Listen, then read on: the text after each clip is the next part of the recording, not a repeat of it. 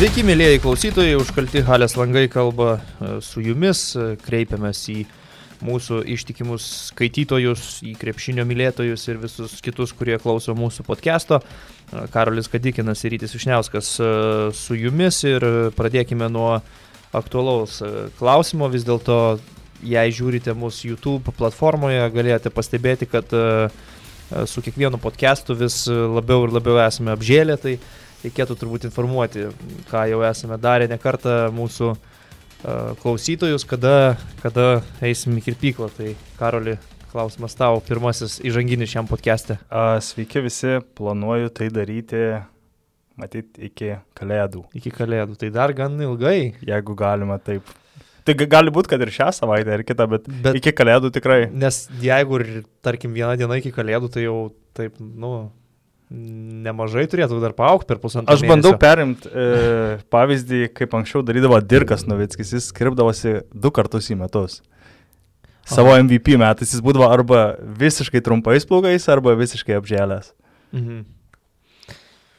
Nu, okay, aš, o pats? Aš, aš turiu ambicingų planų jau kitą savaitę apsikirpti, arba netgi šį penktadienį po dvigubos Eurolygos savaitės darbų uh, E, paskirti laiko šiai procedūrai, nes jau, kaip matote, irgi nebloga tokia kepurė susiformavo ant galvos.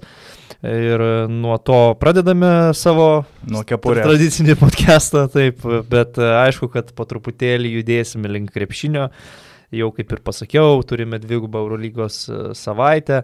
Vėlgi Eurolyga uh, puikiai išnaudoja tas sąlygas, kai nėra UEFA čempionų lygos futbolo ir įkiša savo du turus į savaitę, kai nėra tiek daug konkurencijos televizijos eteryje ir tęsia šį darbą Eurolyga šį sezoną beje ir yra tokių variantų kaip dviejos namų rungtynės per tą dvigubą savaitę, ką patirs ir Kauno Žalgeris, du kartus žais Kaune šią savaitę, tai reiškia, kad aš, aš pats šią savaitę net tris kartus važiuoju į Kauną.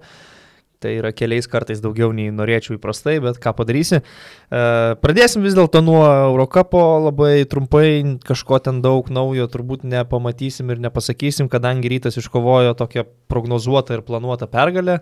Gal ir nebuvo ji labai lengva, nors taškų skirtumas pakankamai solidus, bet e, tikrai laikėsi intriga iki ketvirto kėlinio vidurio maždaug. E, kai Limoža patempė individualiais veiksmais amerikiečiai, Sanfordas, Kristonas pataikė ir nemažai sunkių metimų, grįžo į rungtynės ir nebuvo lengva rytui, bet laimėjo, tai yra trečioji pergalė Europos taurėje. Pirmą kartą šį sezoną rytas laimi du kartus iš eilės ir pirmą kartą laimi ne prieš Krasnodaro lokomotyvą. Apžvelg galbūt Karoli, kokia dabar susidariusi situacija grupėje po kitų rezultatų praėjusio turo ir aišku žinom, kad e, šią savaitę rytą žais trečiadienį išvykoje su Belgrado partizanu. Taigi ryto situacija yra sekanti. Rytas vieną pergalę lenkia tiek Loko, tiek Limožą ir mano asmeniniais skaičiavimais reikia rytui per tas tri, tris likusias rungtynės iškovot maksimum vieną pergalę mažiau negu Loko ir tada, man atrodo, užtektų patekimo, patekimo į kitą etapą. Mhm.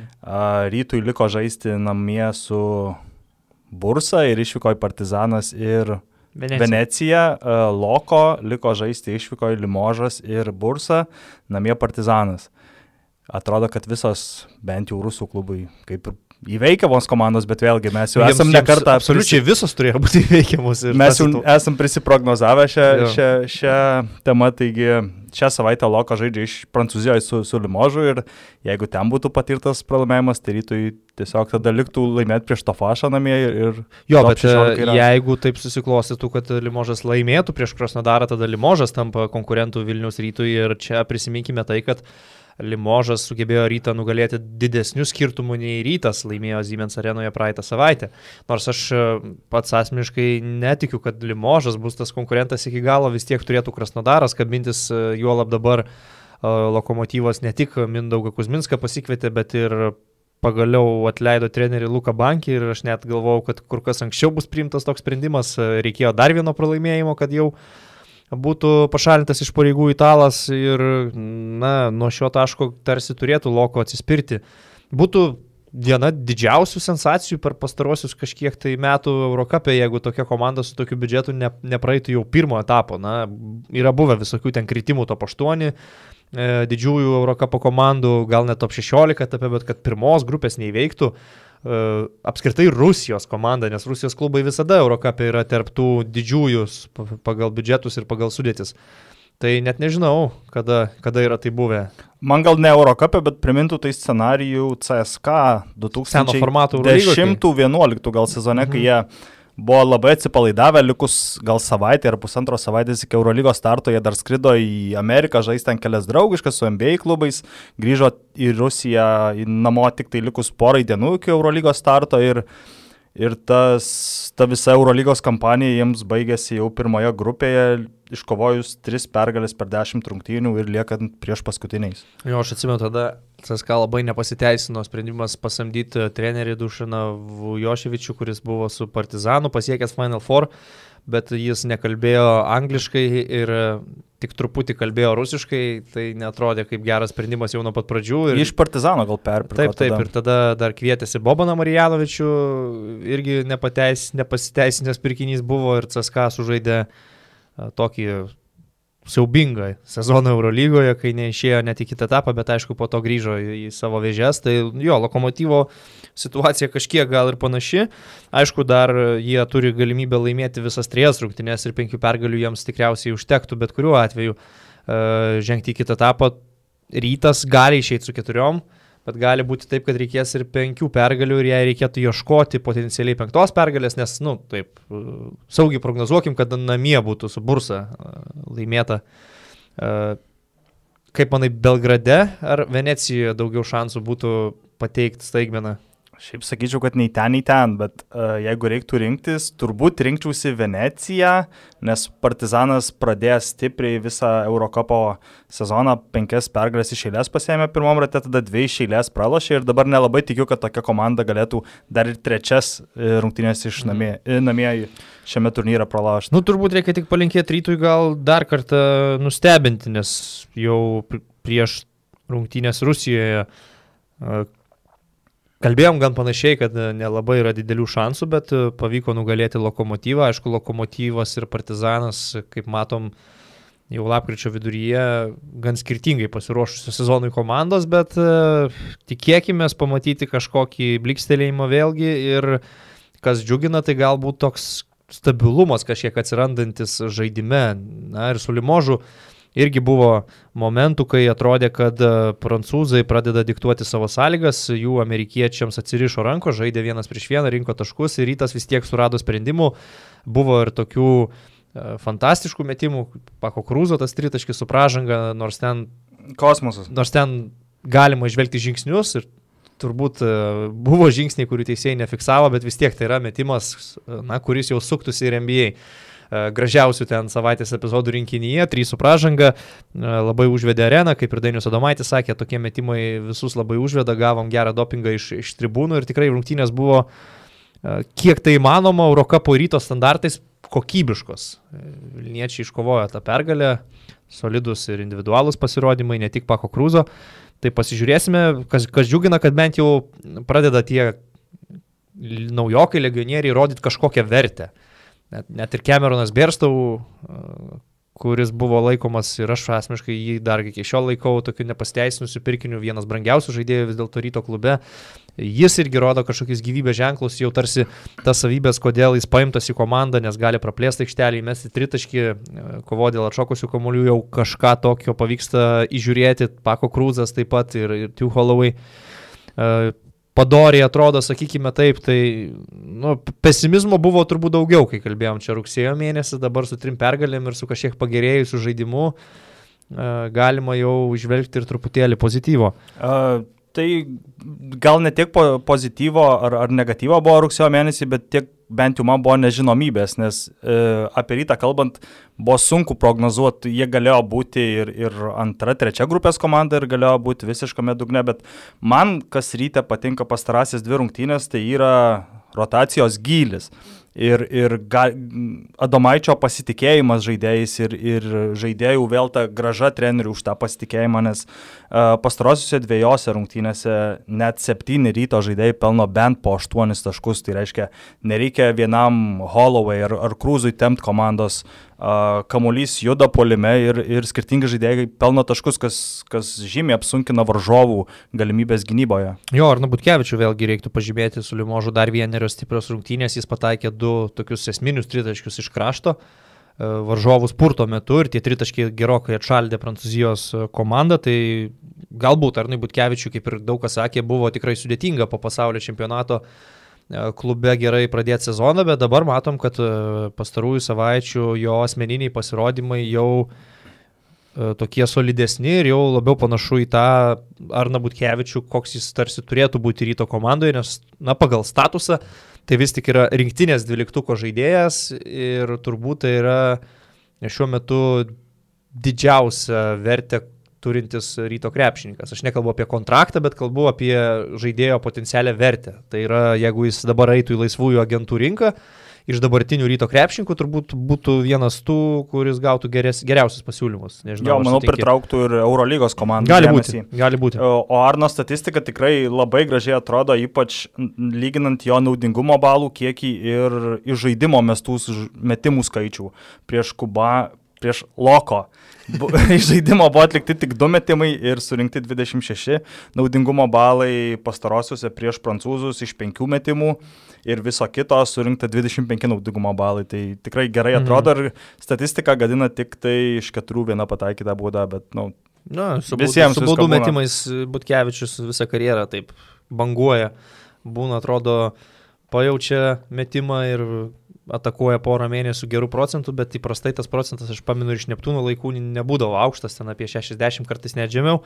Uh, tai vat, šią savaitę rytas taip įsiterpė tarp Žalgerio dviejų turų, žais trečiadienį su Belgrado partizanų išvykoje uh, ir nesikerta. Džiugu, kad nesikerta dviejų Lietuvos stipriausių komandų mačai, dviejose stipriausiose Europos turnyruose. Pamenu, aną sezoną tikrai buvo uh, keli tokie atvejai, kai ryto ir žalgerio rungtynės dubliavosi, kas aišku nė, nėra labai patogu.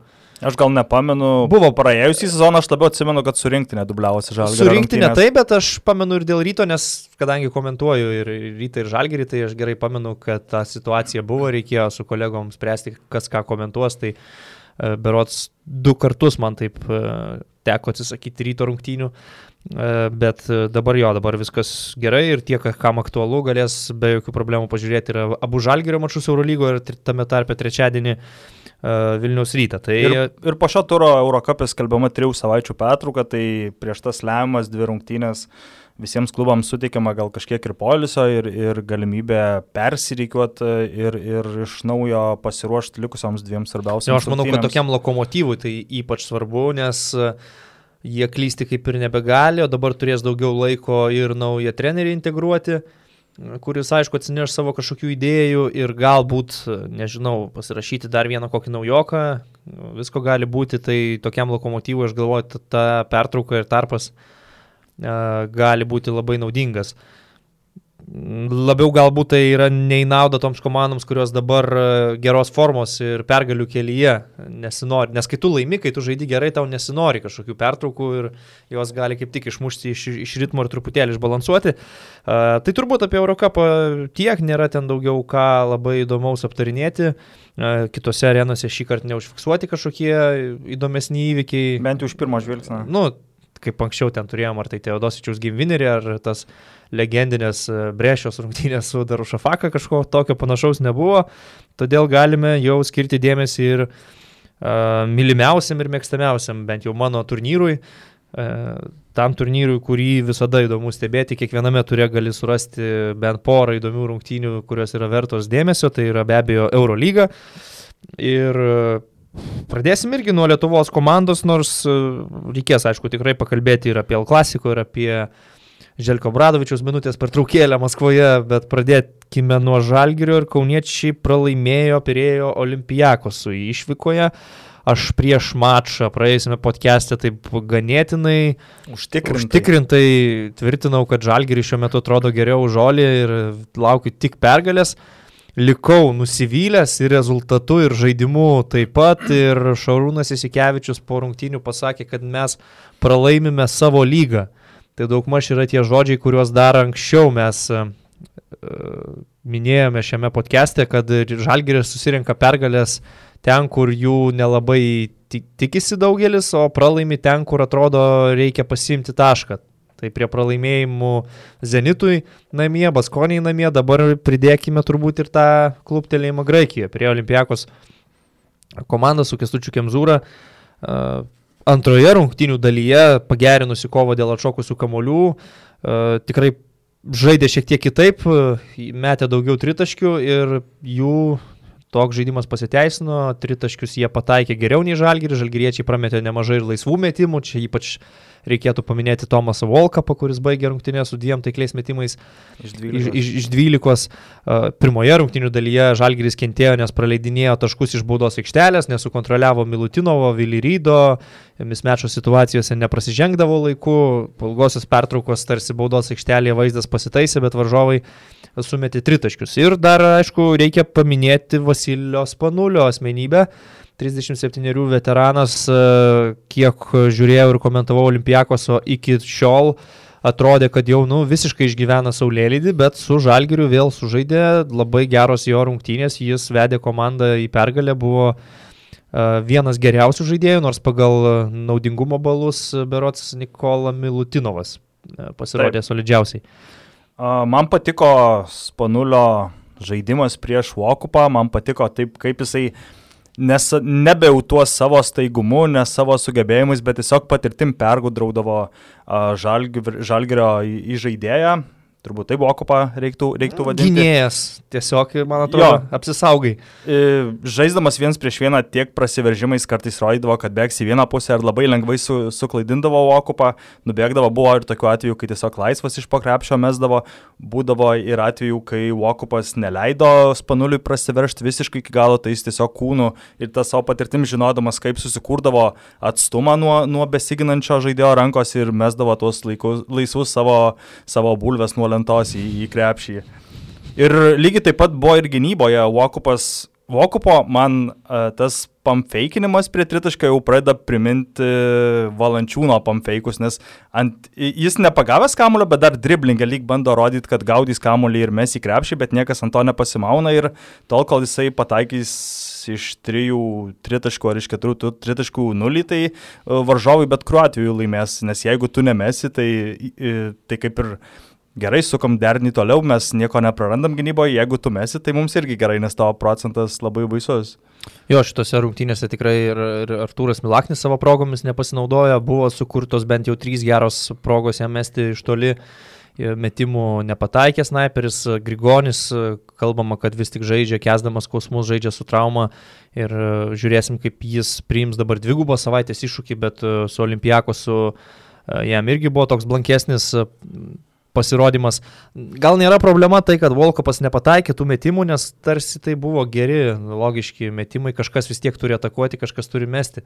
Bet kaip Žalgiris jau atrodė, pradėjo geriau gintis, apribojo Olimpijakosą ir labiau stumė Olimpijakosą ten, kur nori Lietuvos čempionai, o ne patys graikai. Uh, susiklosti tokios situacijos, kai baigiantis atakos laikų tritaškį įmetė Printezis, baigiantis atakos laikų įmetė po driblingo atšokęs atgal Ročesti, pataikė per rankas ir Brennos Polas, kas aišku nėra labai netikėtinas, Brennos Polas tokius metimus mėgsta. Bet šiaip Olimpiakos nėra snaiperių komanda, kaip tik viena blogiausiai tritaškius pataikančių Eurolygoje, bet šį kartą susimetė ir ta jų patirtis, ko gero reikia sakyti, nugalėjo Žalgirio mažesnę patirtį. Uh, net ir toks Tayloras Rochester vis tiek yra labai patyręs žaidėjas, kad ir atrodo jau ne pačios geriausios kondicijos, e, sugeba sužaisti naudingai. Tai to postas labai puikiai apibūdina, man jis toks lietuviškas tikrai yra Robertas Bitinas, aš nieko neturiu blogo prieš šį žaidėją, bet tiesiog jį atsimenu iš LKL, gal prieš kokius 8 ar 10 metų ir jų žaidimo stilius, lygis aišku žymiai skiriasi, bet žaidimo stilius tas toks e, labai, labai staigus, gerai kamuolį valdantis kairė rankis. Jo, vizualiai tai Rochester jau atrodo ir tokie tricepsai jisai truputį paka, pakarė kabantis, bet vis dar kažką sugeba. Ir e, Kemzūra beje taip gan įdomiai e, rotuoja, ypač ketvirtam kėlinį. laiko aikštelėje iš esmės Ročesteris panulį polimui, o tada atlieka keitimus dėl gynybos, kad ir tą patį Vaidą Baldviną paleidžia gintis, nes tai yra staigesnis, geresnis žaidėjas gynyboje, kai tuo tarpu Spanulis Ročesti gynyboje atlieka tokį labai pasyvų vaidmenį ir reikia vis dėlto pagirti turbūt Lietuvos trenerių. Man atrodo, Kestutis Kemzūra šitose rungtynėse labai gerai prisitaikė prie to, ką darė Žalgiris. Ir planą buvo gerą paruošęs, žinojo, kad kauniečiai neturi stipraus klasikinio stiliaus centro ir galima tuo pasinaudoti turint Nikolą Milutinovą ir Milutinovų rungtynės iš tikrųjų buvo labai geros, jis išprovokavo dvi labai greitas Lendylo pražangas, po to Jasikevičius pasitikėjo Martinu Gebenu, nepasakysi, kad Gebenas nepateisino vilčių, sužaidė savo minutės tarsi neblogai, bet kai tavo starto penketo centras gauna dvi greitas pražangas, tai jau yra vis tik problema, bent jau pirmam kėliniui. Nors Lendylas, aišku, sužaidė rezultatyviausią savo rungtynės Eurolygoje. E, čia kažkas, iš ko galima galbūt gauti mm, naudo žiūrint ir į priekį pačiam krepšininkui, gerinant savo žaidimą Eurolygoje, bet e, įspūdis tikrai liko slogus po tokio pralaimėjimo. Žaidimo kokybė mane asmeniškai šiek tiek nuvylė. Aš sakiau eterija komentuodamas, kad Olimpijakosui truputį sekasi ir ko gero taip ir buvo, nu truputį sekėsi, bet jie to sėkmės, manau, ir labiau verti buvo nei Žalgeris. Ką aš sakiau, turėjau menį sakydamas, kad sekasi, tai e, elementariai, nu, printezis įmeta tritaškį pusiau per rankas baigiantis atakos laikui, kito aikštelės pusė išvestas metimų ir Artūras Milaknis nepataiko laisvas. Tai yra šešių taškų situacija, kur Žalgiris galėtų e, plus trimis taškais pajudėti į priekį, bet e, minus trimis taškais e, dar labiau atsilieka nuo Olimpiakos ir kiekviena tokia atkarpėlė Eurolygos rungtynėse, kur viena ataka yra labai brangi, kartais nulėmė nugalėtojus ir pralaimėtojus. Aš dar noriu truputį grįžti prie Okupo, tai matau, kad jis šį sezoną tritaškio išvykoje nėra pataikęs, buvo rungtynės namie su Asveliu, kai pataikė abu tritaškius, buvo namie su Barsa, kai iš 3-2 e, pataikė, bet uh, visa kita yra kol kas tik tiek iš 11-4 metimui, bet visi yra pataikyti namuose. O dar kalbant apie pačias rungtynės, man įsiminė Milutinovo dominavimas ir gal net tiesiog geras žaidimas gynyboje, nes prieš e, šias rungtynės atsiverčiau vienos iš lažybų bendrovų pasiūlą ir mačiau, kad ten įvairių e, Eurolygos sezono apdovanojimų yra pasiūlos ir mačiau, kad Milutinovas yra ryškus favoritas tapti metų geriausiai besiginančių žaidėjų. Jam buvo skirta gal net 60 procentų tikimybė.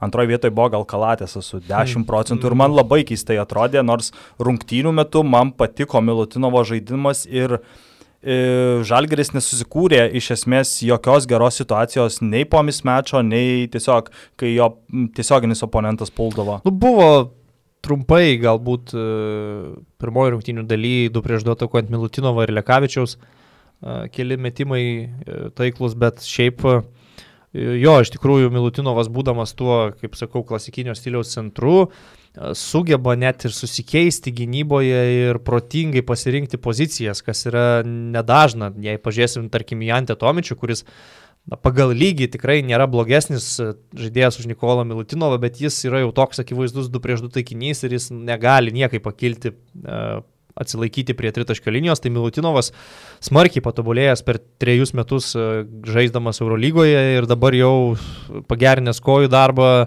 sugeba net ir tokią funkciją įgyvendinti ir Kestutis Kemzūra juo labai pasitikė, aš ką mačiau ir žaidžiant pavyzdžiui su Efesu, išsikeisdavo Milutinovas netgi ant Larkino arba Micičiaus. Aišku, ten kentėjo Olimpiakosas nuo to ir nieko gero nesigavo, bet esmė, kad jis gali bent jau kartais net ir taikant pilno susikeitimo gynybos sistemą atsilaikyti ir sužaisti tose dvikovose. Tik tai, kad dėl geriausiai besiginančio rinkimų aš smarkiai abejoju jo šansais, vien jau dėl to, kad Olimpijakos aš matau antroje turnyro lentelės pusėje ir man atrodytų gan keista, jeigu geriausiai besiginančio lygos žaidėjų taptų krepšininkas iš tarkim 12 vietą užėmusios komandos. Reiktų istoriškai pažiūrėti, į ką būtent atkreipia tie, kurie turi balsus e, mm. savo dėmesį ir aš nežinau, ar yra skiriamas dėmesys komandos užimtai vietai. Nu, man atrodytų, kad logiška e, balsą skiriant argumentuoti ir per komandos e, rezultatų tą prizmę. Nu, va, atsidariau, Bet... tai pernai tapo Tavarešas, tai realas buvo, nu, top 5 gal komanda Eurolygoje reguliariam. Prieš tai du metus išėlės tapo Kyle Heinzas, tai irgi komanda buvo viršuje. Top 4. 16-17 geriausiai besignančių tapo Adamas Hanga iš Baskonijos. tuo Nu, irgi Baskonija tada Aš vat nepamenu. žaidė bent jau playoffuose, tai tikrai. Ir prieš tai vėl Heinzas ir dar prieš tai Brianas Dunstonas, kai Olimpiakos Nu, tai dar buvo pačiam viršui. Tendencija tokia, kad iš pralaiminčių komandų žaidėjai netampa geriausiai besiginančiais, nelaimi šito apdovanojimo. Aš suprantu, kad galima žiūrėti į skaičius, ten pamatysi daug atkovotų kamolių, nors dal, didelė dalis jų yra polime atkovoti kamoliai, kas e, kaip ir nekoreliuoja su gynyba. Uh, blokų irgi taip, Milutinovas gali būti tarp e, pirmaujančių pagal blokus, bet man atrodo truputėlį keista kandidatūra į geriausiai besiginančio titulą. Aš Bet gal ne Milutino bėda, kad jo komandos draugai tokie prasti. Ne, tai ne Milutinovo bėda, bet aš man, nu čia aš asmeniškai ieškočiau truputį kitokių žaidėjų, renkant geriausiai besiginant, jeigu turėčiau balso teisę. Ir šiaip, kai tu vardinai, beveik visada laimi vidurio polėjai. Tik Adamas Hanga įsiterpęs ten tarp Heinzo, Dunstono ir Tavarešo. Tai turbūt Europoje, Eurolygoje dar egzistuoja kažkiek ir ta, man atrodo, tokia pasenusi logika, kad jeigu blokuoja daug metimų, tai vadinasi gerai ginasi. Arba atkovoja daug kamolių, tai irgi gerai ginasi. Dar geriausių besignančių yra tapę Kirilenko, Hrepa ir šešis kartus Diamantinis. Nu, ja, diamantidis jo. Bet aš atsimenu, Dariušas Lavrinovičius kažkada buvo išrinktas į geriausiai besiginančių Eurolygos penketą simbolinį, okay. Nes tą sezoną Eurolygoje atstovaudamas Žalgiriui pagal blokus buvo berots antras.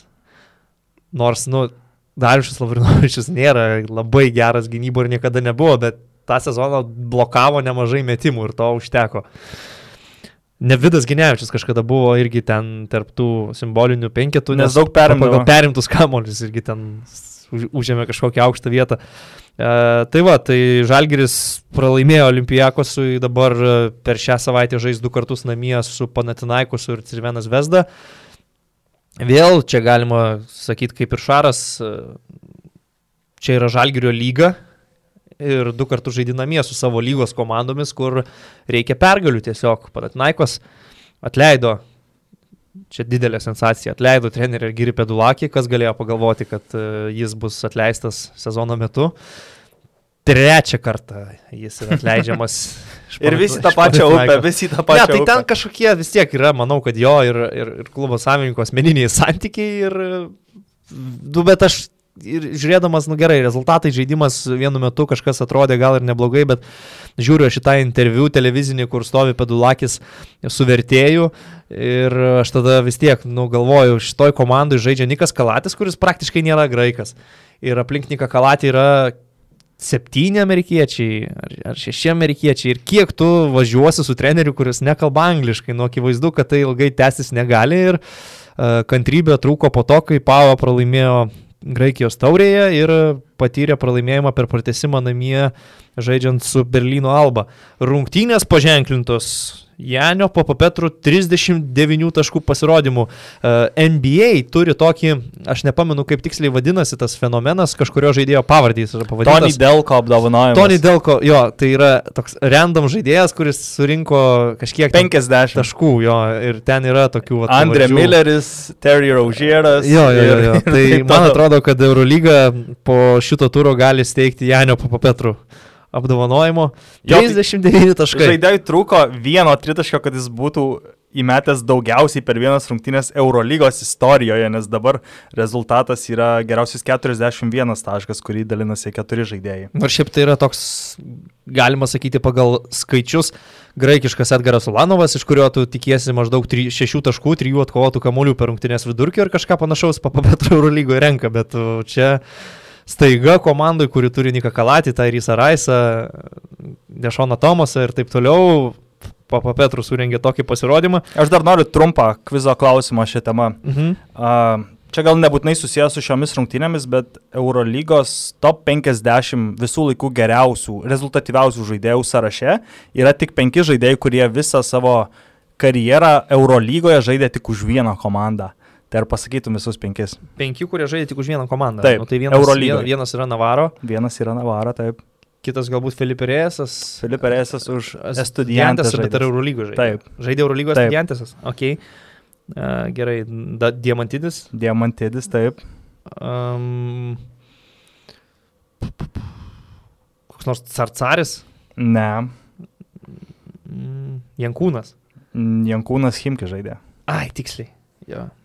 Nors Jankūnas šiaip penktoje vietoje, nors gali būti, kad jį greitų metu aplenks. Rezultatyvesni šiuo metu Aha, bet, žaidėjai. Jo, pamiršau, pamiršau kažkaip tą sezoną Himki, aš galvoju, kad ir pats Jankūnas gal kartais pamiršta, kad yra žaidęs Himki. Visi trys komandai. da, vis dar žaidžiantys. Visi trys vis dar žaidžiantis. Ir pakankamai aukštam lygiai. Mhm. Tu, tu, tu, tai Kalatis. Kalatėsas, taip. Dar du lieka. Kalatis. Printezis, ai, Printezis už Unikachą žaidė. Už Unikachą Jo, žaidė, taip. Jo, jo ne, negali būti. Uh, Vienas yra šeštas, kitas yra 25. Ir už tą pačią komandą žaidžia abu. abu žaidžia už tą Jo, pačią jo. komandą. Tai čia gal reikėtų man į Caskabris, nežinau, net Voronsevičius koks nors. Ne. Ne, jis nėra, kad daug primetęs. Mm, Gal ne už CSK, bet už kitą stiprią labai komandą. Viena favoričių Eurolygos. Kai stringa Julas Julas ir Kerolas. ir JC Carolas. Taip, Julas yra šeštas ir greitų metų matyt e, kesinsis tiek į savo komandos draugo Filipės Reisą, tiek į Jankūno rezultatus. O JC Carolas, nors vat, atrodo, kad nėra, kad labai ilgai kažkaip žaidė vienoje komandoje ir, ir labai būtų įsiminęs, bet yra 25 vietoje su 2186 taškais.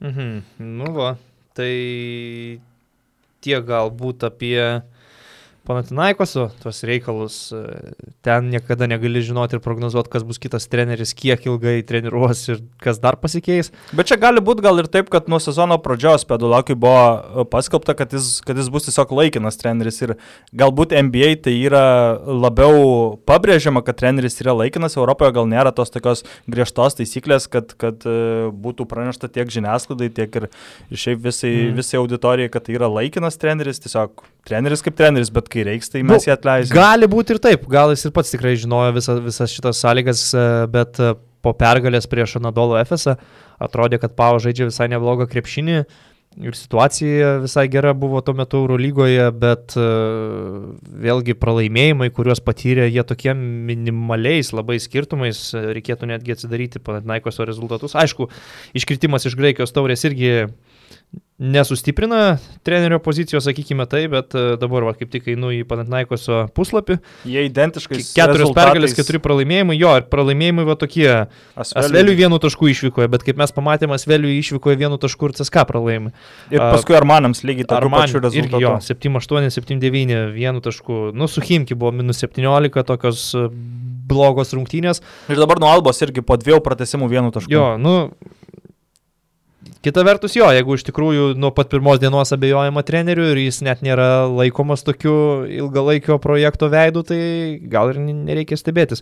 Nu, ne, aš ir nesistebiu, aišku, pats sakiau, pats ir, man atrodo, postą rašiau UHL apie tai, kad uh, trys dalykai krepšinėje yra visą laiką nesikeičiantis, tai JAF laimės Olimpinė, Žalgiris laimės LKL ir Panatnaikos atleis Pedulakį. Tai Petina gal grįž. Pitino dabar Graikijos rinktinė, kaip Jo, ir nu tai- pa- pasiruošęs imti ant savęs. Nežinau, būtų šiaip juokinga, man patiko, kai buvo Pitino toks personažas Eurolygoje. Aš jos spaudos konferencijas visas, visas žiūrėdavau ir televiziniai interviu tokie praskaidrinantis nuotaiką ir galiausiai net atrodė, kad e, jis m, gal ne tiek taktiškai, kaip psichologiškai žaidėjus paveikė ir Panitnaiko su Pitino, prisiminkim, sugebėjo galingai uždaryti sezoną ir patekti į atkrintamasis varžybas, kas vienu metu atrodė sunkiai gyvendinama. Tai uh, komiškai su šypsena ilgą laiką žiūrėjau, bet galiausiai pasirodė, kad gal ir tas Pitino kažką, kažką sugeba. Jo, preskonfai tikrai buvo įdomus, jis ten papasakodavo apie 90s reikalus Boston Celtics ir tikrai būdavo kitokie negu... negu... Yra jo interviu, vienas buvo po, po kažkurių pralaimėtų Panatnaikos rungtynių, kai jisai e, ten sakė, Kevin Durant is not coming through the door, Steph Curry is not coming through the door.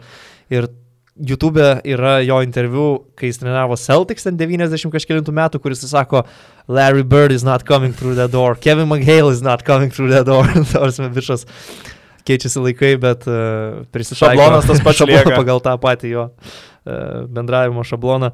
Tai va, Panatnaikosas uh, šiandien turbūt jau nusileidęs uh, Kaune ir ruošiasi rytojus rungtynėms, pažiūrėsime, kiek juos paveiks ir kaip paveiks trenerio atleidimas, faktas, kad komanda turinti aišku lyderį, aplink kurį viskas sulibdyta, Nika Kalatėsa, bet tie kiti pagalbiniai žaidėjai yra pavojingi, tarkim, tai Rysas Raisas.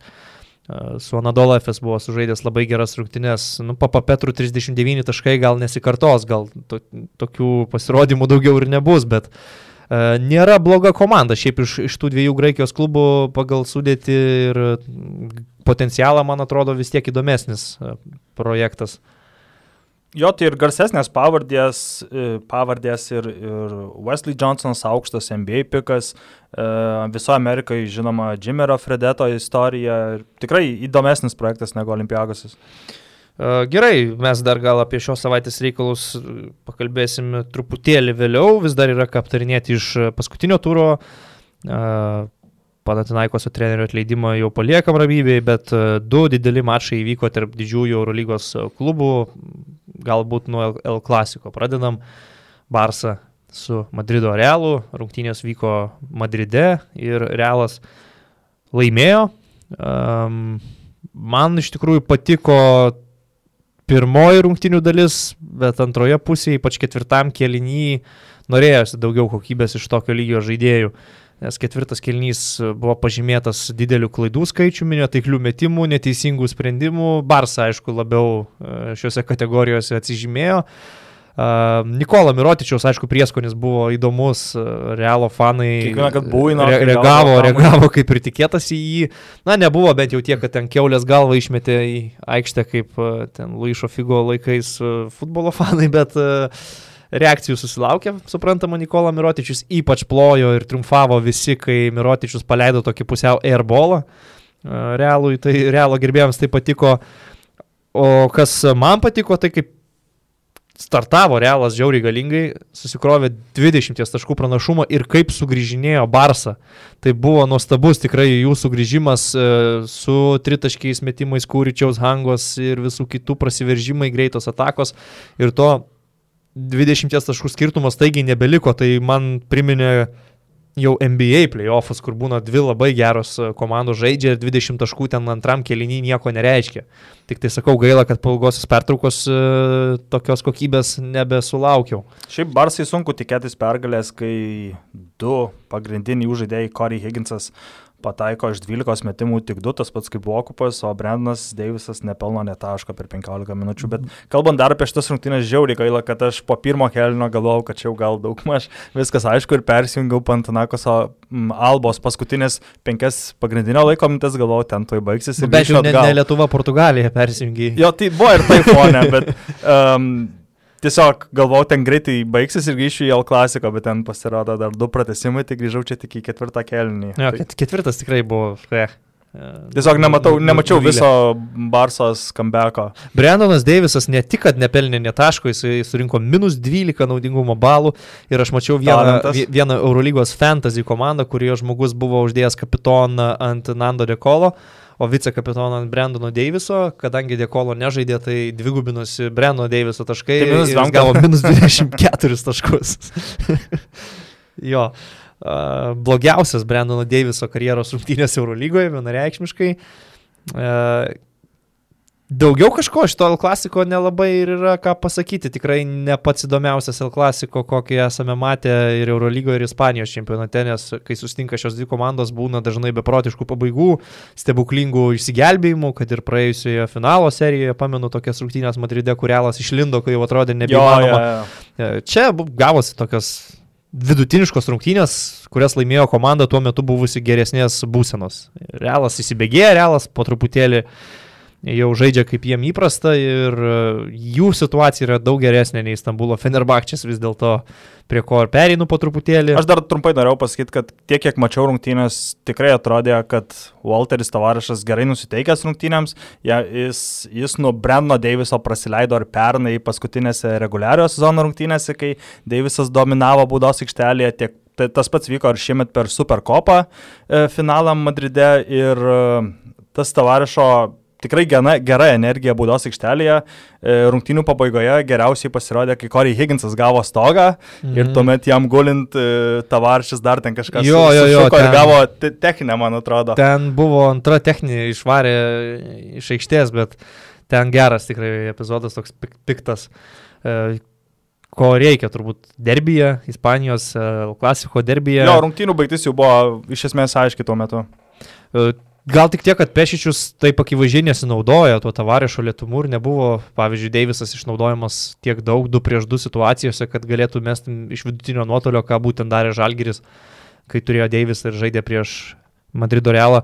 E, Pereinu prie rungtynių, kurios vyko Maskvoje, CSK Fenerbakčia, jos pagarsėjo gal ne tiek savo rezultatu, net ir ne Janio Strėlinio ir Maiko Jameso fantastiškais pasirodymais, du CSK gynėjai tapo pagrindiniais pergalės kalviais, visiškai užmėtė kepurėmis jie Turkijos komandą, bet pagarsėjo šios rungtynės labiau dėl Želimiro Abradovičiaus minutės pertraukėlės, kurioje necenzūriniai žodžiais buvo iškolėti Betomė, tariant. Melikas Mahmutoglų ir praktiškai visa komanda galiausiai viską vainikavo žodžiai shame on you.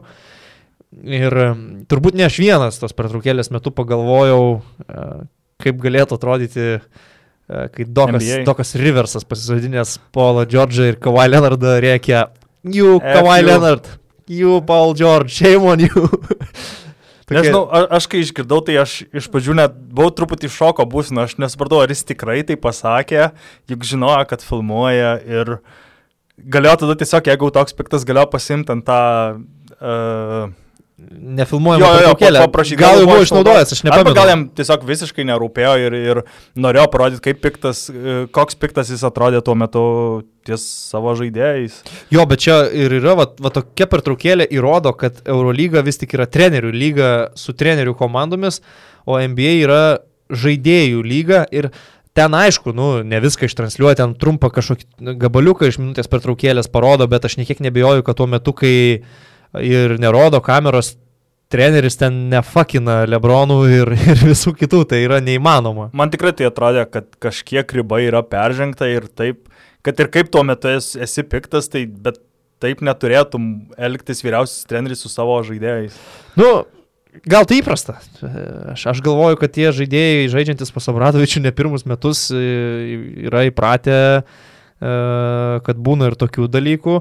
Mm, Kita vertus, tai gal nebuvo vien rungtynių su CSK padarinys, tai jau gal buvo susikaupęs pulinys iš visų kitų mačų, kuriuos matėme ir kur Fenerbakčia degė, pralaimėjo, su CSK jau buvo tik e, paskutinis lašas galbūt kantrybės taurėje. E, Laimėjo tas rungtynės e, Maskvos CSK pakankamai užtikrintai, didelių skirtumų, kurį susikrovė antroje mačo dalyje. Fenerbakčia žaidė be dekolo, nepavyko Nando dekolo sugrįžti, sužaisti prieš savo buvusią komandą. Žaidė beje ne Megasport arenoje, o Aleksandro Gomelskio salėje. Dėl to, kad Megasport Čia arena, senoji. jo, dėl to, kad Megasport arena užimta dailiojo čiažimo čempionatu, Čia rimta. tai va ir, ir jo, Dekolo e, sugrįžimas neįvyko į Maskvą, jis praleido šias rungtynės, Kostas Lukas bandė tempti komandą, e, Derikas Williamsas irgi tarsi sužaidė, bet visi kiti vėl tušti ir nežinau, kiek tai gali tęstis Fenerbakčias komandoje. Aš prieš sezoną spėjau, kad finale Eurolygoje susitiks Barsas su Fenerbakčia. Kokios tiksliai Fenerbakčias problemos, man sunku kalbėti. Iš vis šiuose rungtynėse man gerą įspūdį patiko tik tais, tik tais Lukas. Dar Biberovičius kartais savo aštriais prasiveržimas ir tiesiog uh, toks jaunas žaidėjas rodė, kad jisai nebijo. Jam tikrai ne viskas gaudavosi, bet tiesiog parodydavo, kad, kad jis nebijo, nesvarbu prieš kokias garsias pavardę žaidžia, tiesiog eina metai ir, ir viskas gerai, o visi kiti žaidėjai labai nuvylę, taip viskas vyksta ir toliau ir nežinau, aš dabar net nelokinčiau, kad jie tikrai pateks į ketvirtfinalį. Galbūt viskas susitvarkys, galbūt bus iškovotos devynios pergalės iš eilės, aš tiesiog nesu toks optimistiškas. Nu, aš vis tiek netikiu, kad tai yra per ilgas sezonas, jei tai būtų ten senesnio formato Eurolyga, kur reikia įveikti pirmą etapą ir praeiti top 16, mm, gal reikėtų kalbėti kitaip, bet dabar aš vis tiek nutikiu. Čia dar, aišku, dekolo kilsteli jų žaidimo lygį. E, Taip, pralaimėta CSK išvykoje. Tu gali pralaimėti CSK išvykoje net ir būdamas geros formos. Čia, Čia ne vien dėl šito pralaimėjimo. Jo, aš, aš vėlgi. suprantu. Iš tos pačios pergalės tai... iškovotos laimėjo prieš Bayerną sunkiai, sunkiai namie ir namie laimėjo Prieš Baskoniją. prieš Baskoniją, kai 40 įmetė 39 Baskoniją. Pakartojo, tiksliau tuo metu dar pirmas tiek sumetė Papa Petru jau kartojo Dekolo rezultatą. Ir šią savaitę Fenerbahčia žaidžia išvykoje su Barsa, kur irgi bus tikrai nelengvos rungtynės, nes Barsa, kadangi jau pralaimėjo realų, tikrai bandys re revanšuotis. Ir antros šios savaitės rungtynės bus iš te ten, kur varžovai išvykos komanda nelaimė, tai yra Asmeniškai. Vilemanė. Nu, man didžiausias nusivylimas yra žiūrėti į Datomę ir Ali Muhamedą, du veteranus, kurie atrodo visiškai nebepažaidžia. Ir nežinau, kas jiem yra.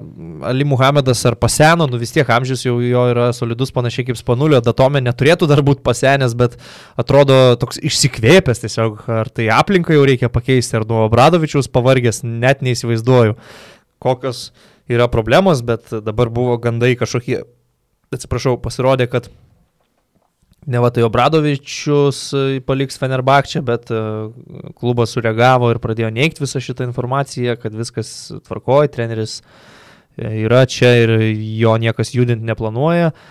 Mm, Šiaip man yra nesuvokiama, kai tokia atrodytų gera komanda su, sukomplektuota iš labai protingo aukšto intelekto žaidėjų sugeba prasileisti keturis iš eilės laisvus tritaškius nuo Janio Strelniko net ir tokiose situacijose, kur tu dar gali truputėlį pasirinkti, kur rizikuoti. Nu jau geriau Maikas Džeimsas tegul meta laisvas tritaškį. Bet strelnikas, nu tai jis iš to ir gyvena, jis iš to yra užsidirbęs pinigus. Ir jeigu tu jam leidi taip lengvai mėtyti, jisai susirenka savo taškus ir atrodo netgi be didesnių pastangų, labai lengvai. Aišku, Maikas Džeimsas e, jis pataikė ir per rankas, baigiantis atakos laikui, bet tai yra lengva daryti, kai tavo komanda jau pirmauja 15 Taip, taip, taškų. taip. Ir, Kur buvo tokie metimai, kai žaidė su jokios Asveliu? įtampos. Nu tai va, tai uh, Maikas Džeimsas kartu su Janiu Strelniku bendrai sudėjęs pelnė daugiau nei 50 taškų ir dviese kartu surinko daugiau naudingumo balų nei visa Fenerbakčias komanda. Wow. Tai va, tokios detalės ir uh, ką dar norėtum galbūt iš praėjusios savaitės pal pa paliest. Iš praėjusios savaitės gal kaip ir nieko, tik norėjau pasakyti, kad šią savaitę, kalbant apie Asvelį, Asvelis žais namie su Anadolu ir Fenerbakčiu. Ir čia yra gan įdomus toks e, tvarkarašio sudarinėtojų sprendimas, nes Asvelis pradėjo e, savo Eurolygos sezoną prieš pirmas dvi Graikijos, komandos, Olimpijakos Pantnaikosas, dabar vėl dvi Turkijos komandos iš eilės atvažiuoja, tiesiog toks įdomus sprendimas. Beje, reikia pasakyti, kad Asvelis pagaliau laimėjo ir išvykoje ir uh, nugalėjo Belgrados ir Venas Vesdą per pratesimą. pratęsimo taip. patys tą pratesimą ir ištraukė, nes šiaip Zvezda beveik visą laiką pirmavo ir e, jau vienu metu atrodė, kai ketvirtam kelnį turėjo berots plus 9, kad e, tikrai, tikrai laimės tas, tas rungtynės. Ten irgi reikėjo truputį sėkmės, nes atsiliekant dviem taškais, Asvelio vienas ždės metė dvi baudas, pirma, pirma ten taip vos, vos nenorom įkrito, antra išlygino ir per pratesimą kažkaip pavyko laimėti. Mhm. Tas rungtynės beje Olimpijakos arenoje per Kubą vis rodydavo e, fanams ir labai gerą transliacijos režisieriai pagavo kadrą, kai mergaitė, gal nežinau, kokių dešimties metų ar truputėlį vyresnė, sėdi su marškinėliais, ant kurių susilieja Olimpijakos ir Zvezdos logotipai ir parašyta Orthodox Brothers. Tai Tada supranti, tada supranti, kodėl per video kubą transliuoja Zvezdos rungtynės per pertraukėlės. Jo. Um, dar vis tiek reikėtų paminėti keletą rezultatų. Tai visų pirma, Himki pergalė prieš Milano Olimpiją ir Milanas iki šių rungtynių buvo labai geros formos. O Rimo Kurtinaičio auklėtiniai supančiojo visiškai Milaną, kontroliavo rungtynes. Bet visa tai vyko tik antroje pusėje, nes pirmoje pusėje Himke atrodė lyg visiškai nesigynė. A, Praleido pirmoje pusėje 51 tašką, antroje užteko jau tik 28 Ir kelniai. man kuo toliau, tuo labiau patinka ta idėja prie Aleksėjaus Švedo turėti aikštelėje visai kitokį žaidėją, kuris nebūtinai pataiko tritaškius, bet yra aukštas, tvirtas, gerai gynasi ir protingai vadovauja komandai. Ir tokius žmonės net du komandoje turi Rimas Kurtinaitis, tai yra Stefaną Jovičių ir Krisą Kreimerį. Būtent Kreimeris mane nudžiugino šitose rungtynėse, jis grįžo, visi žinote, po kryžminio kelio raiščių traumos ir atrodė atsigavęs, atrodė pakankamai šviežias, gyvas, energingas. O čia vis tik Eurolyga, ne Eurocapas, dar aukštesnis lygis, tai tikrai pagarba Kreimeriui atrodo žaidėjas pilnai reabilitavosi. Ir dar gal trumpai galim paminėti Makabį. Jo, va Šešta norėjau. pergalė iš eilės. Ir tos pergalės ne taip, kad iškovotos vienu, dviem taškais, jos visos iškovotos mažiausiai 12 taškų skirtumu. Ir paskutinės trys rungtynės su Olimpiakosu Alba ir Baskonija laimėtos mažiausiai 25 Mm, taškais. čia- Kas Eurolygoje yra kosmosas. Čia iš vis 113-83 išvykoje buvo sunešiota. Ir ten viskas jau buvo aišku pirmoji pusė. E, Ir Makabis bent jau mane stebina, aš prieš sezoną mačiau juos galbūt kaip e, komandą galinčią pretenduoti į septintą ar tai aštuntą vietą. E, Ką jie bandė daryti praėjusiame sezone, bet tai kaip jie renka pergalės ir žaidžia dabar, man yra malonus netikėtumas. Ir net be Kaspio. Ir, ir esmė, kad e, komplektacija ten kažkokių stebuklų nėra. Atrodė kaip dar viena vasara, kai Makabis tiesiog tą patį kviečiasi amerikiečius, e, nelabai nežaidusius Eurolygoje, kažkur nepritapusius NBA, kažkur galbūt turėjusius e, geresnį sezoną, bet e, atrodė eilinė Makabio vasara. Galbūt vis dėlto specialistas iš Graikijos Janis Fairopulas tiek daug duoda šitai komandai, kad ji dabar pradeda žaisti puikų krepšinį po aštuonių turų gal net geriausia krepšinį lygoje, bent jau viena geriausių komandų, po šešias pergalės turi kartu su eilė kitų klubų - Armanija, Anadolu, Himki, Barsa ir CSK. Su tokiu startu natūralu tikėtis, kad tai bus atkrintamųjų varžybų komanda. Aš nelabai tikiu, kad jie gali ten taikytis į pirmas dvi pozicijas, bet kad turėtų grįžti į playoffus, darosi gan akivaizdu. Tuo tarpu Baskonija tikrai nuvilė. Ir, ir, ir jeigu Argyris Pedulakis prarado savo kėdę, tai aš nežinau, kiek saugus jaučiasi po minus 30 namie Velimiras Parasovičius, nes šiaip jau Baskonijos klubo vadovai irgi garsėja neįtin geležinę kantrybę ir gan greitai keičiasi strategai toje komandoje po kelių pralaimėjimų. Ir Baskonija net ir vietiniai lygoje savaitgalį pralaimėjo, dabar tik pamiršau komandos pavadinimą, um, Fuen Labradai. E, tai dar vienas pralaimėjimas ir jiems net ir Ispanijos lygoje yra, yra pakankamai sunku, nors šį savaitgalį, aišku, daugelis, nu gal ne daugelis, bet tikrai ne viena Eurolygos komanda pralaimėjo vietiniam fronte, tas pats su Realu buvo, tas pats buvo su Armani Jeans. Čia gal toks ekonominis režimas prieš uh, dvigubą Eurolygos savaitę. Jo, tik Žalgris panašu, kad biškai kitokį režimą jungia. Žalgiris biškai kitokio lygio. Jo, žaidžia. faktas, faktas, jo. Ir šiaip uh, geras labai Makabiui testas bus šią savaitę, nes laukia dvi išvykos rungtynės su Armaniais ir su Barsa. Mhm. Tai labai gerai pasimatys Tai tikrasis jų Iš, iš, iš veidas. tokių išvykų aš galvoju, per tokią savaitę, jeigu pasiemi vieną pergalę, tai jau yra gerai. E, Baskonija beje man išskirtinė atrodo Eurolygos kontekste, nėra turbūt daugiau, dabar per visas 18 nepereisiu, bet kitos tokios komandos, kuri turėtų vieną antiek akivaizdų lyderį. Jis Vienintelis turnykė šengelėje šitoj komandai renka dviženklį taškų skaičių ir dviženklį naudingumo balų e, skaičių, tai yra 19 taškų vidurkis, 22,6 naudingumo balo per rungtynes, o visų kitų statistika yra vidutiniška arba prasta. Tiek pataikymo procentai, tiek taškų vidurkis, tiek naudingumo balai. Nežinau, ar tai yra situacija, kai komanda per daug priklausoma nuo vieno žaidėjo.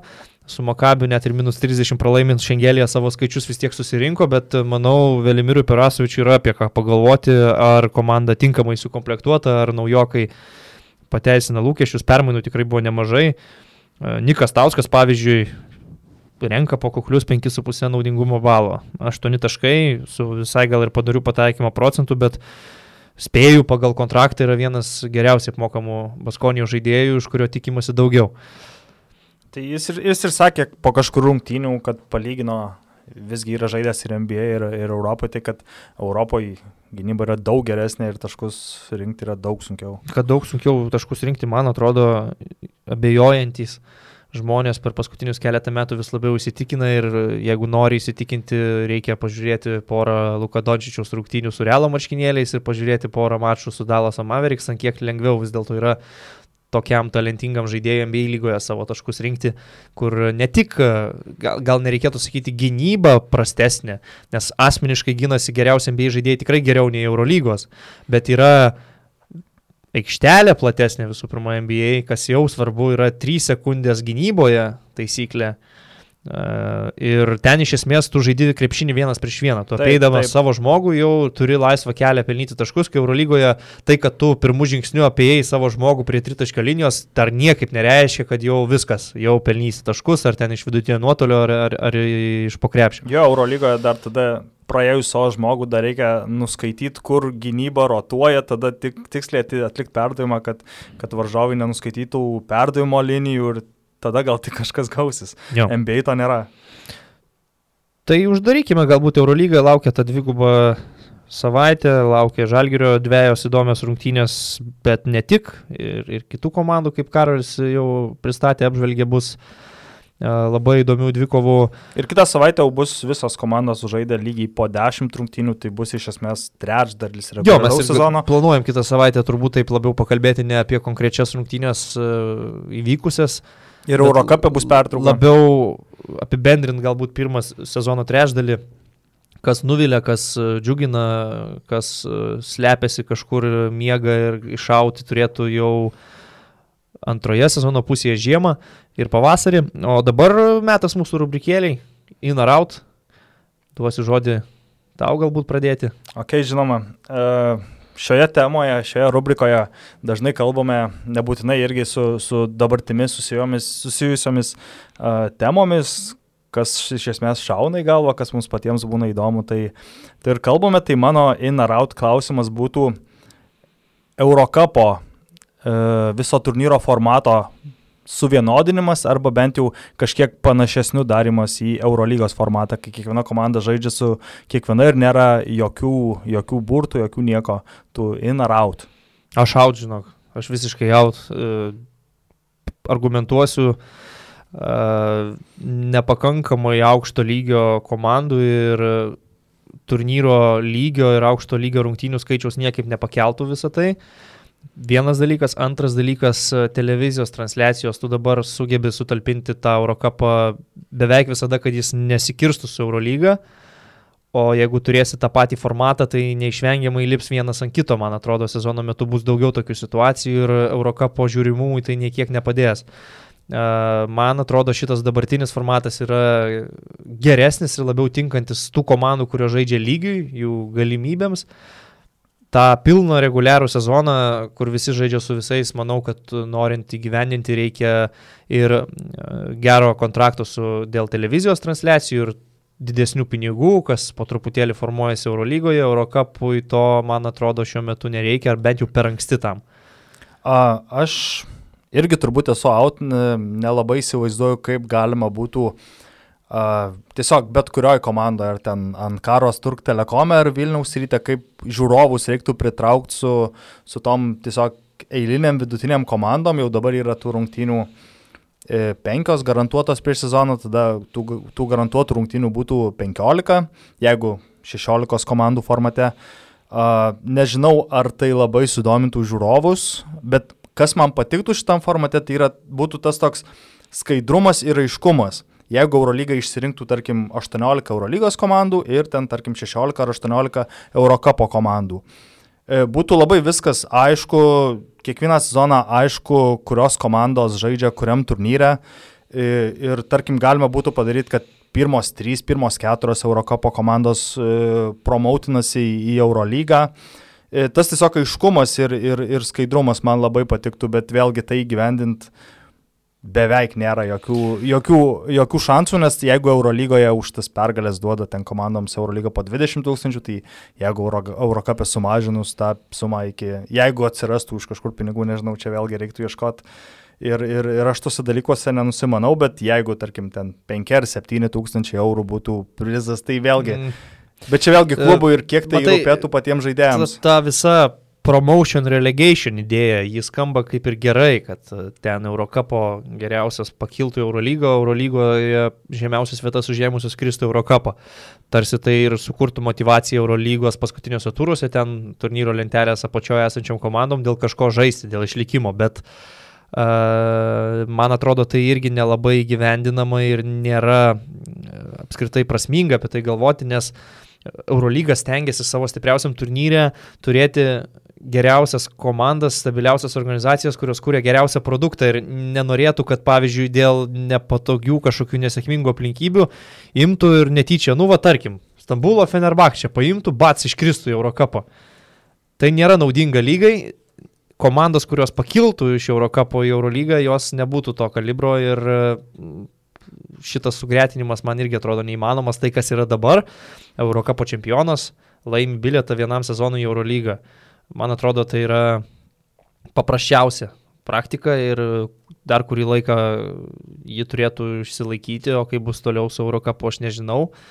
Bet toks, toks formatas, aš galvoju, yra truputėlį utopija. E, tai galima būtų ne vien vienam sezonui, galima, tarkim, dviem sezonam ar trim sezonam gauni tą bilietą. Jo, bet reikia galvoti, kam tai naudinga. E, nes šitas pasiūlymas iškeltas, aš nematau, kad jis naudingas žiūrovui, aš nematau, kad jis naudingas pačiai Eurolygai, jis galbūt naudingas atskiriem klubam kažkuriem, bet ar, ar kelių klubų interesas yra aukščiau žiūrovo ir, ir, ir visos organizacijos, turbūt, kad ne. Ir kai tu sakei dėl to, to e, varžovų lygio, tai na, Turkijos eilinė komanda turbūt žaisdama Turkijos lygos reguliarių sezoną sužaidžia tokio pat lygio varžybas, kokią žaistų Eurocapė. Jeigu ten kiekvieną kartą atsivežtų Rytą, Veneciją, dar kažkokią ten Vokietijos vidutinę komandą ir panašiai. Ok, aptariam. Tai kitas Inarau teiginys susijęs su šių dienų aktualijomis labiau, ne hipotetinis kažkoks scenarius, o tai yra tiesiog Karmelo Anthony sugrįžimas į NBA lygą. Čia šiandien, man atrodo, turėtų debituoti šiandien arba kažką. Jo, jis, jis, jis sukirto rankomis su Portland Trail Blazers, tai nėra garantuotas kontraktas, bet faktas, kad Karmelo Anthony bent jau šansą dar vieną gauna NBA lygoje. Ir um, mano in or out skambėtų taip, reikėtų suformuoluoti, kad kalbame vis dėlto apie Hall of Fame kalibro žaidėją. Pagal tai, ką jis yra padaręs, kaip jisai atrodė lygoje ne vienerius metus, žaisdamas ypač Denverio Nuggets klube, ilgą laiką atrodė netgi žengia koja kojant su Lebronu ir lygiuojasi su dabar, sakykime, vienu geriausių visų laikų krepšininkų.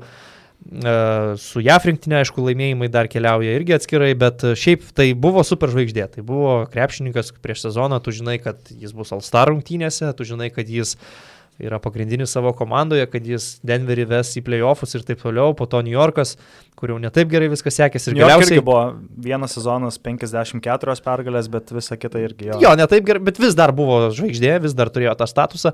Ir galiausiai prieėmė tokią situaciją, kai Oklahomoje jis neįsipaišė, Houstone buvo išbandytas, nenorėjo tarsi pats e, pripažinti mažesnio vaidmens ir su juo buvo atsisveikinta, tada jis iš vis nežaidė ir dabar grįžta į Portlandą. Uh, Ar tu in, kad buvusi superžvaigždė taip dar bandytų gaivinti save ir kažką įrodyti, ar tu labiau out ir manai, kad geriau jau riš šitą projektą ir gal net, nežinau, Kinijai pasimti pinigus, jeigu to siekia pats žaidėjas. Aš šiaip abejoju, ar Karmelo siekia užsidirbti iš viso. Nu, aš irgi abejoju, bet, nu. Kad... Aš šiaip esu in, kažkaip būtų keista, jeigu toks žaidėjas, kurį vis tiek atsimenu nuo, nuo paauglystės vaikų, laikų. Man jis niekada per daug nepatiko, bet vis tiek jis buvo asmuo ryški figūra visoje lygoje. Būtų labai keista, kad jo paskutinės rungtynės niekas neprisimintų, kas buvo jo paskutinės rungtynės, nes jis kažkada Houstone vieną dieną žaidė, kitą dieną atėjo GM į jo e, viešbučio kambarį ir pasakė, gali šiandien nesiruošti rungtynėm, iš esmės esi laisvas. E, būtų kažkiek keista, Aš esu in, man bus įdomu pamatyti, kaip jis atrodo šiuo metu. Labai yra daug internete jų, jo treniruočių visokių video, tikrai treniruotėse, e, žaisdamas prieš savo asmeninį trenerį, atrodo gerai, sugeba pataikyti. Nu, tikrai pataikyti yra... gali, turbūt ir po 20 metų galės pataikyti. Jo, bet man labai įstrigo viena jo frazė, kai jis sakė, kad šiuo metu aš esu geriausios fizinės kondicijos savo karjeroje. Tai man atrodo labiau pasako ne apie jo dabartinę kondiciją, bet apie jo visą karjerą. nu, aš tai žinok, esu out, nes um, man jau nepatiko ir neskaniai atrodė tie tos situacijos, kai tu negali pripažinti, kad ta, ta, tu ne, nebesi superžvaigždė ir tau reikia kažkurioje komandai būti pagalbiniu žaidėju. Ir būdamas to pagalbiniu, tu gal dar vis e, surastum savo vietą, būtum naudingas net ir playoffų komandoje. Na, kad ir šeštas žaidėjas kylantis nuo suolo, padarantis taškų, atliekantis metimų, jeigu tu paimtum tokį vaidmenį, aš būčiau in kaip pavyzdžiui ten Vincas Carteris, e, kuo labiau sensta, tuo mažesnis jo vaidmuo komandai, gal daugiau netgi įtaka dabar, pavyzdžiui, yra tiesiog būnant šalia jaunimo, nei kad ten aikšteliai surinkant kažkokius skaičius, bet tai atrodė tokie natūralūs procesai, kai krepšininkas buvo žvaigždė, po to prisitaikė tapo tokių rolę žaidėjų, ten Dalaso, tarkim, playoffų komandoje ir su amžiumi truputį leidžiasi, leidžiasi žemyn, bet išlieka lygoje, išlieka kaip naudingas, vertingas žaidėjas dėl savo asmeninių savybių. Kai tuo tarpu Karmelo Antoni pastaruoju metu tie bandymai Oklahoma ir Houston atrodė kaip kažkokia komandos destrukcija labiau nei sugebėjimas duoti kažką tai komandai. Ir aš nežinau, kodėl dabar turėtų staiga būti kitaip. Ar jisai padarė išvadas per metus ir suprato, e, kad e, jo, gal man jau reikia susitaikyti, kad aš nebe toks geras ir žaisiu mažiau. Nu, jeigu jis dabar sako, kad yra geriausios formos per karjerą, tai turbūt e, įsivaizduoja, kad vėl gali būti NBA dominuojanti jėga. Jis neseniai buvo vienas ant vieno pokalbėje ESPN. E, ir ten yra sakęs, man aš gal kažkaip nelabai supratau, jis sakė, kad jis tuo metu tiek daug mesdavo į krepšį savo karjeros metu, nes jam atrodydavo, kad po rungtynių, jeigu pasitent toj statistiniai grafo yra mažai taškų, tai jam atrodydavo, kad jis netidirbo pinigų, kuriuos jis gauna iš klubo, kažkas tokio, kas man atrodo truputį keista. Uh, įdomu bus pamatyti, man bent jau bus įdomu pamatyti pirmas vienas, dvi rungtynės, kaip jis atrodys, ar, ar jis priims tą savo rolę, jis gal net ir eis į startą, nes žinant, kad dabartinė uh, Portlando situacija nėra labai gera, bet žiūrint iš Portlando perspektyvos, klubas iš esmės nieko ne... Ne, nieko nerizikuoja. Tai, tai būtent. jo, tai kontraktas nėra garantuotas, nėra, kad tu ten kažkokius pinigus investuoji į jį, o jeigu pataikysi, o jeigu išloši, gali hitint jackpotą, taip pat visai netyčia. Ir... Bet uh, dar aš užbaigsiu, kodėl vis tik esu out. Man niekad nebuvo labai džiugu matyti, pavyzdžiui, McGrady San Antonijos Spurs suolo gale ir jis užbaigė karjerą būdamas ant suolo NBA finaluose ir Pasim... Bet žiedo negavo. Ne, tai nelaimėjo to finalo Sparsai. Tai tiesiog taip kažkaip pasimiršta, kad čia yra žvaigždė, pasimiršta, kaip tas žaidėjas žaidė ir atrodė. Ir uh, man niekad per daug nepatikdavo, kai, tarkim, koks nors veteranas praeitie gerai žaidęs dar ir pabando sugrįžti į lygą, ten rašydo Voloso, pavyzdžiui, koks nors sugrįžimas, tas irgi man įspūdžio nedarydavo. Ir na, dabar Karmelo Antoni Ar jis dar gali prisikelti iš numirusių, taip sakant, aš smarkiai abejoju, o matyti Karmelo Anthony pavardę su ten keturių taškų ir 11 minučių vidurkių, man kažkaip nieko linksmo nuo to. Tai e, čia tinka net ne vienam bei pavyzdžiai, man atrodo, kad lygiai tas pats, bent jau aš taip jaučiuosi ir su Navaro, ir su Jasikevičium, ir su Spanuliu. Tie paskutiniai karjeros metai man tokie blogą skonį burnoj paliekantys. O dar kalbant apie Antonį, e, šiaip įdomus faktas šitą nežinau, kad e, ne tai, kad jis, už, jis iš tikrųjų buvo waivintas Čikagos, bet jis iš Houstono į Čikagą buvo išmainytas kartu su e, teisėmis į Johną Diblerį. Oho. E, ir už tai Houstonas mainais gavo teisės į Tadišą Dragičevičių. Wow.